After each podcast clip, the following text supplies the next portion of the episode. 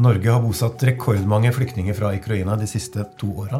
Nå haster det med å få de i jobb.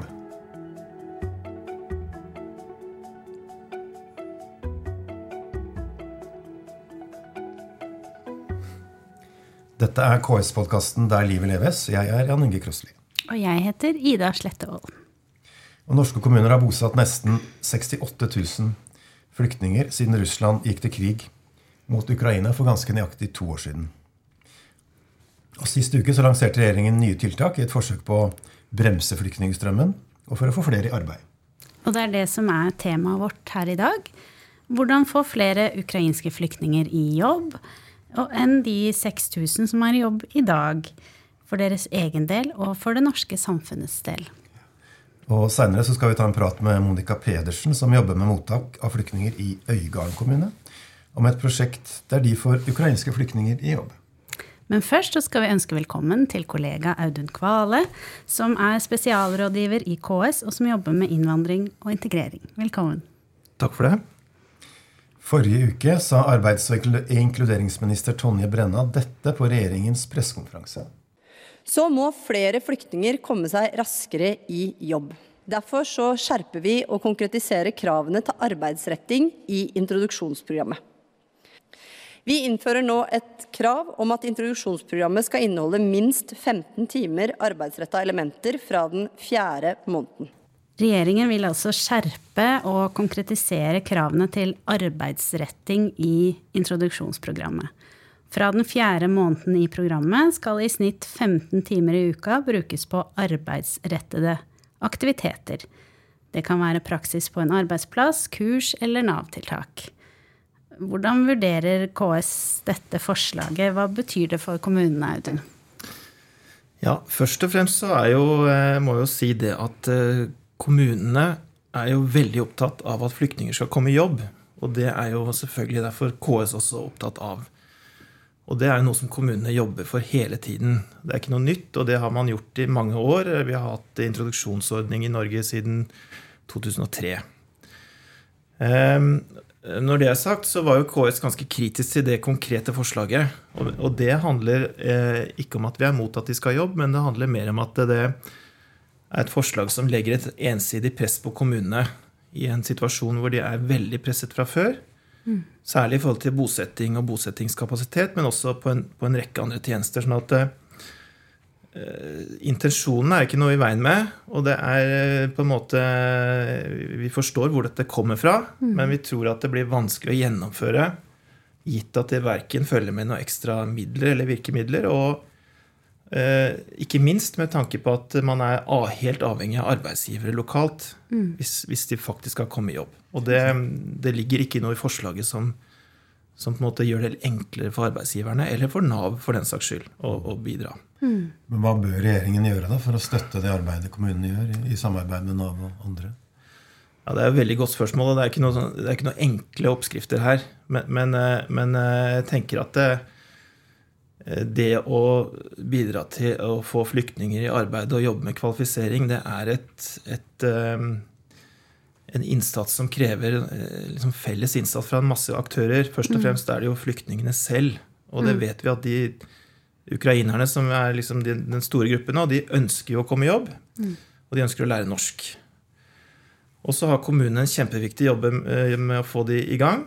Men så er man helt avhengig av eh, andre aktører. Og da er det jo det at arbeidsgivere liksom ser behovet eh, og ser nytten av å ta inn også denne gruppen. Og da må man jo ta utgangspunkt i det som er arbeidskraftsbehovet der ute.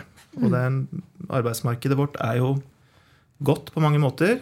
Det er masse ledige jobber, men det stilles ofte veldig høye kompetansekrav, og det er jo en utfordring. Så det er jo noe man kunne sett på. Og så vet jo både jeg og dere at det er ikke, det er ikke bare å fjerne de kravene. Det er en grunn til at de er der. Men, men det er noe med å kanskje senke terskelen litt grann i forhold til hva som kreves. F.eks. i forhold til språk. Mm. Norsk språk. Men så vet vi at uh, flere ukrainske flyktninger er kommet i jobb i vår naboland. Vet vi noe om hvorfor det er sånn? Ja, Det her er ikke så mye sikker kunnskap. Men, men det er riktig at uh, sysselsettingen i, blant den gruppen i Danmark og Sverige er høyere. Mm. Og det første man må ha med seg, er at de har tatt imot færre enn oss. Sånn at antallet er ikke nødvendigvis høyere, men andelen er høyere. Og det andre vi vet, er at der har I hvert fall hvis vi tar Sverige først, da, så har de veldig få rettigheter. De er, er liksom likestilt med asylsøkere. Mm. Og de må mer eller mindre ut i jobb for å klare å forsørge seg i det hele tatt. Mm. Mens vi har valgt en annen tilnærming her, hvor de går inn i de ordinære ordningene med introduksjonsprogram. Og det er jo liksom hovedårsaken til at de sysselsettingstallene ikke er like høye her ennå. Men mm. uh, vi har valgt en tilnærming som går mer på å investere i de som kommer. Når det gjelder Danmark, så har de en litt annen modell igjen, hvor de stiller veldig strenge krav til, til, arbeidsrettet innhold. Og det vi ser der, er at veldig mange av de som har fått jobb, de har gått inn i ufaglærte yrker. Eh, og det kan jo være greit, det, men, men eh, over, over, tid så er jo det vet vi at de ofte blir mer sårbare på arbeidsmarkedet også. Mm. Så vi vil ha de inn i ordentlige, kvalifiserte jobber? I utgangspunktet vil vi det, og det er det vi trenger, og det er det som har vært politikken de siste årene. Men så har det endret seg litt nå. Og det store dilemmaet når det gjelder den gruppen som kommer nå, fra Ukraina, det er jo at det er ikke bestemt om de faktisk skal bli her. Og eh, ut fra det perspektivet så er det liksom en, en sånn veldig dobbelthet i forhold til hvordan eh, særlig kommunene da, forholder seg til den gruppen. Skal man investere i å få de inn i utdanning og få de kvalifisert, eller skal man eh, satse på raskeste vei til jobb? Og det er jo det siste som er, liksom er signalene nå. Mm. Ja. Mm.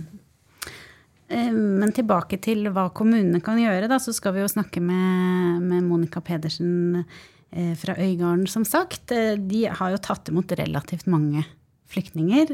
Sett opp mot kommunestørrelsen og, og jobber nå aktivt for å få de ut i arbeidslivet. Eh, det er jo spesielt ett prosjekt vi vil løfte fram eh, i dag. Og hva er det med dette prosjektet som er så godt eksempel, etter din mening? Ja, Nå kjenner ikke jeg det i detalj, men det, mm. som, er, det som, er, så fint med det, ut fra min kjennskap, det er jo det at man, eh, at man Kommunen som arbeidsgiver faktisk får folk i jobb i kommunen. Der hvor de trenger, som trenger folk. Og er mm. ikke, her er det ikke snakk om å finne på nye stillinger og sånt for å dekke et behov, men det er et reelle behov. Mm. Og så har de jo eh, eh, tatt eh, for seg av de, de, flyktningene som er litt eldre. Dvs. Si, I flyktningesammenheng så er man gjerne eldre når man er over 55 år, for da har man ikke lenger rett og plikt til introduksjonsprogram. Mm. Men det er jo en gruppe som det har kommet ganske mange av nå og som i, i, dette eksempelet helt åpenbart har mye å bidra med. Og masse kompetanse og arbeidskraft som, mm. som alle nyter godt av. Da er vi spent på hva Monica Pedersen har å fortelle litt uh, seinere. Så sier vi takk til deg, Audun Kvale, for dine forklaringer og bidrag. Selv takk.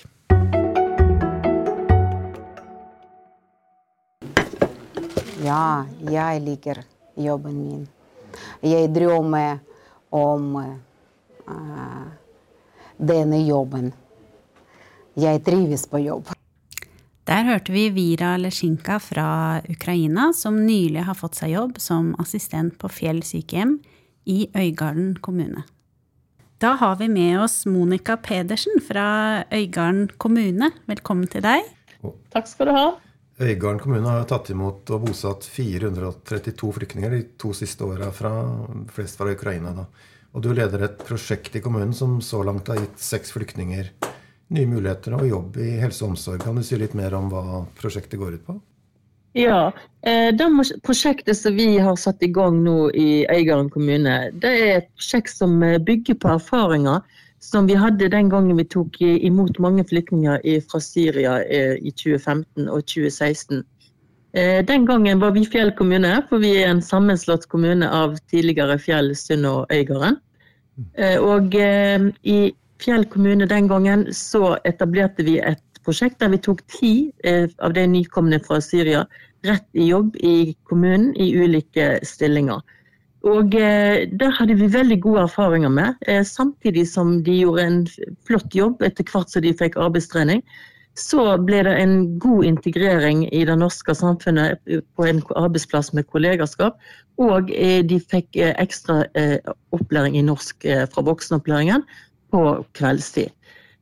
Dette syns vi var et bra prosjekt den gangen, og vi har tatt erfaringene fra dette med oss inn i dette prosjektet vi har bygd nå i 2023 eh, og 2024, som er at vi har tatt inn seks voksne damer fra Ukraina til å jobbe på to ulike eh, helse- og omsorgsinstitusjoner i kommunen. Henholdsvis eh, Straume og servicesenter og Fjell sykehjem. Eh, disse eh, gjør et eh, arbeid 37,5 timer per uke. De gjør de assistentoppgavene som en ikke trenger å være helsefaglig utdannet for å gjøre.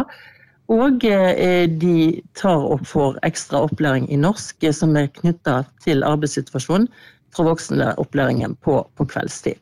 Så det er egentlig at vi har gjort noe en gang før som vi har, synes har vært vellykka, og at vi nå tar og tilpasser det inn mot en ny flyktningstrøm, og at vi ser at vi må gjøre noe for oss. For, de som, for disse her som vi har tatt inn her, det er de som er over 55 år, som ikke har en rett eh, til et introduksjonsprogram. Som kanskje kan være vanskelig å få ut i arbeid. Og dermed så tenkte vi at det, eh, vi må gjøre noe i vår kommune for oss å få dem eh, i gang.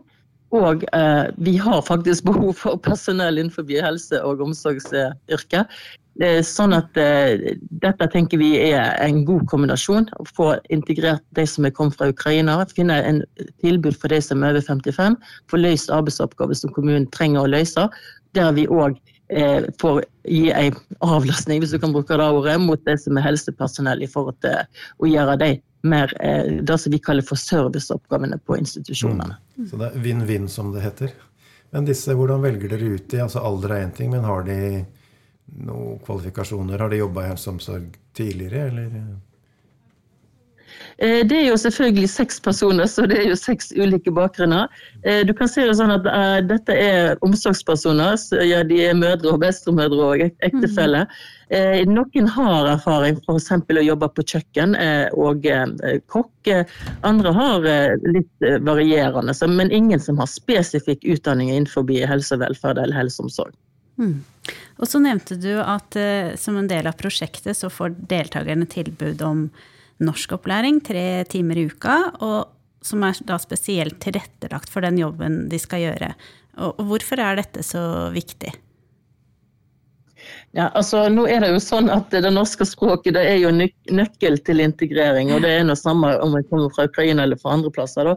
Eh, og da tenker vi at eh, De er nødt til å få eh, med seg mer norsk for å kunne tilpasse seg oppgaveløsninger og for å kunne gjøre seg forstått og kommunisere og eh, Der har voksenopplæringen gjort en flott jobb, for de har lagd et opplegg som er skreddersydd i forhold til den jobben som skal løses. Så disse her eh, damene de kan nå navnet på norsk på all slags typer pålegg som finnes. De har god sjekk på hva er det som finnes på kjøkken og kjøkkenutstyr og redskap. Og eh, de har òg selvfølgelig disse her mer sånn helserette begrepene som eh, en trenger når en er på en institusjon, har en òg fått eh, tilpassa. Så eh, det er jo klart at når en er over 55 år, som alle disse er, og faktisk, faktisk noen nærmer seg 65, vil jeg tro, så, så er det jo tungt å lære seg et norsk språk. Eh, men eh, vi ser at det, beveger seg framover, og vi ser òg at en begynner etter hvert å eh, lære mer enn enkeltord. En begynner å lage små setninger og, kunne kommunisere. Så vi, vi ser at dette eh, har en bevegelse, og vi har stor tro på at dette vil være en god måte å kvalifisere eh, en ny gruppe inn mot å jobbe i helse og omsorg. Mm, men de får jo ikke noe utdanning ved siden av? Det er, de er assistenter?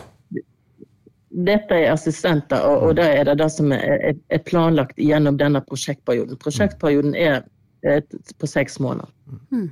Dere har også henta inspirasjon fra Tørn, som jo er et KS-prosjekt som gjør forsøk med, med, nye arbeids- og organisasjonsformer i, i, helse og omsorg. Hvordan har dere brukt den metodikken? Ja, eh, kommune deltar i KS sitt eh, Tørn-nettverk. Eh, og eh, i den forbindelse så er det faktisk de samme to institusjonene, Straume bu- og servicesenter og Fjell sykehjem, som er de eh, institusjonene som er med i Tørn-prosjektet. Og det er òg disse to arbeidsplassene som tar imot tre av disse voksne damene fra Ukraina hver. Sånn at oppgavedifferensiering er en del av det som en jobber med innenfor Tørn. Og det en har nå gjort i forhold til disse to arbeidsplassene, det er at en har skilt ut eh, oppgaver som en ikke trenger å være helsepersonell. Eh, jeg kan nevne alt det som går med, med å holde orden på kjøkken, eh, tilberede og lage til mat, hjelpe til med måltid, vaske klær. Og er- vi har en korttidsavdeling, der skal vaske sengen og det hele tida er skifte av eh, pasienter. Eh, Det handler om å delta i aktivitet med beboerne og gå tur. Så det, det, for eksempel, det, det er mange oppgaver som en ikke trenger å være helsefaglig utdannet, som eh, disse nå avlaster personellet med å utføre. Er de blitt godt tatt imot? De er blitt veldig godt tatt imot. Ja, de er blitt veldig godt tatt imot av kollegaene, men det er òg de som er eh, på disse to arbeidsplassene, tilbakemelder at beboerne òg syns at dette her er veldig positivt og kjekt. Da høres det ut som det prosjektet har vært en suksess så langt, eh, iallfall. Men har du noen tips til noen andre eh, kommuner som ser på hvordan de skal slå sammen flere behov? Eh, ja, altså det, som er, Vi har jo aldri tatt imot så mange flyktninger til, til landet. Eh, og vi ser jo på at det nasjonale med styresmakter de har jo gjort tilrettelegging og endringer i mange lover og regler for at vi skal kunne tilpasse et så stort mottak. Og Da tenker jeg at vi lokalt òg at vi må tørre. Vi må tørre å gjøre noe annet enn det vi har gjort før. Prøve nye måter å få til eh, eh, ei ei bevegelse, sånn at vi kan sikre en god integrering av de som er kommet. Og så tenker jeg også at eh, jeg vil tro at det er flere kommuner enn Øygarden kommune som eh, har denne demografiske utviklingen om at vi er stadig flere som lever lengre. Og at eh, vi har, blir færre som er i yrkesaktiv alder. Sånn at Vi er jo nødt til å finne en løsning på at vi trenger mer helsefaglig personell. Eh, og at hva er det, Helsepersonellkommisjonen de sier at eh, de kommer til å gå tom for penger lenge før vi går tom for folk. Så da må vi se hvordan vi kan kvalifisere folk. da. Så det er vel egentlig det som er det første rådet. Eh, rett og slett tørre å, å prøve eh, nye måter å gjøre ting på. Eh, det er vel egentlig det er vel det det handler om, egentlig. Veldig bra. Kommer dere til å ta inn flere deltakere i prosjektet hva skal vi si, når de seks er ferdige? eller? Vi må se litt på nå hvordan vi skal ta eh, ned. For nå tenker vi at vi må dokumentere dette prosjektet. Vi har lagd en film allerede. Og vi kommer også til å også lage en sluttrapport eh, når prosjektet nå er ferdig utover våren. Så vil det jo selvfølgelig måtte avklares opp imot eh, kommuneledelse og styringsgruppe på hva en eventuelt kan få til som en fortsettelse. Så fint. Da sier vi tusen takk til deg for at eh, du ville være med og bidra i podkasten og fortelle litt om dette spennende prosjektet. Takk skal du ha. Da nærmer vi oss slutten, men først vår faste spalte med nye ordførere. Og denne gangen har vi med oss Inger Lene Haaland. Du representerer Arbeiderpartiet og er ordfører i Froland kommune i Agder. Velkommen. Takk. Og du ble valgt som ordfører, men det også historisk som første kvinnelige ordfører i Froland. Gratulerer med det også. Takk for det. Det var på tide. Veldig på tide. Og du jobber vanligvis som eh, postbud og har vært tillitsvalgt. Eh, Hva var det som gjorde at du ville bli ordfører, da? Hva er din motivasjon? Jeg tror jo motivasjonen til alle som vil bli ordfører, er at de er samfunnsengasjerte. Det er jo der det begynner. Eh, og så har jeg jo et godt parti rundt meg, lokallag, som selvfølgelig ønsker å få ordføreren i sin kommune. Eh, og det var jo mange grunner, men samfunnsengasjementet er jo det viktigste. Og så hadde jeg lyst til å bli første kvinnelige ordfører, jeg skal ikke legge skjul på det.